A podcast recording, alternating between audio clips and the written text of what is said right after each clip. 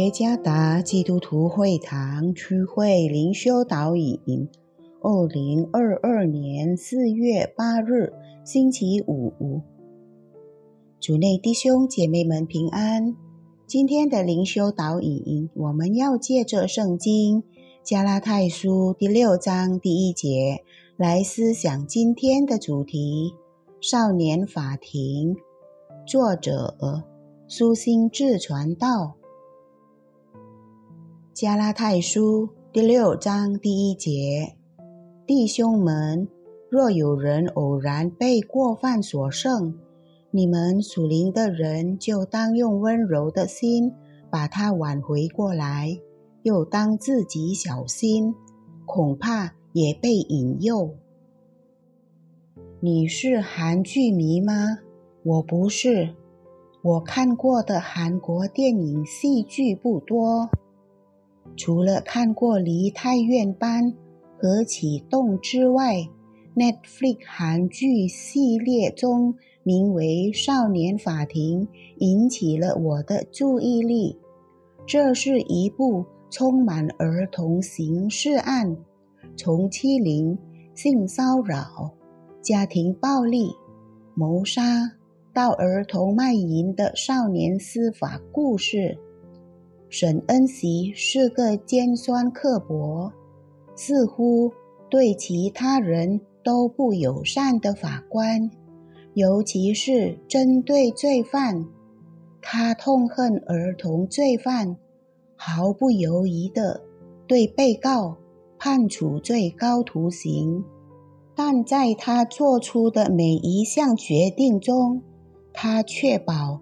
对所犯的罪行给予相称的刑罚。他也设法辅导培训，让犯法的儿童变得更好，以及仍然拥有未来的前途。他不希望孩子们轻视罪恶，而以后重犯刑事罪行。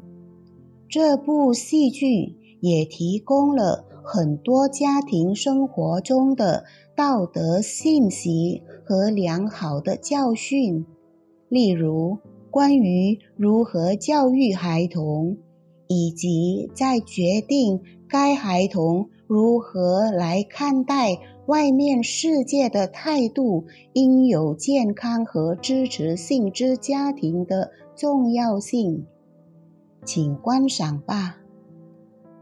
但别忘了准备纸巾或手帕，我保证你会需要它。使徒保罗劝告加拉太教会的会众，他们应该如何正确的来响应其他违规或行恶事的会众。保罗提醒，作为弟兄姐妹要互相劝告。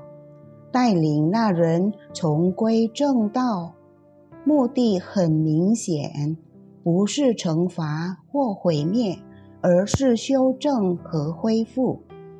但正确的目的需要用正确的方法，那就是以温柔的心。这件事并不是妥协，乃是因为理由充足而。严肃处理这件事，可以透过动词引导希腊文 “gadizo” 得到证实，可以解释为修复，以便它可以再次正常运行。所以，公正的作为在主内弟兄姐妹彼此相爱的关系中。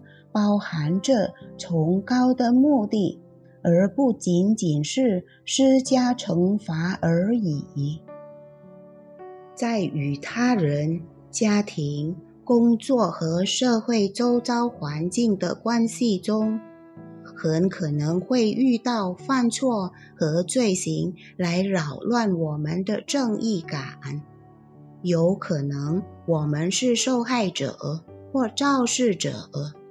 让我们永远记得上帝赦免我们一切罪过的爱，并恢复我们与他之间的关系，因此使我们能够做出正确的反应，并要求对任何违规行为承担适当的责任，不是为了毁坏，相反的，为了能够成为更好而尽心竭力的改善。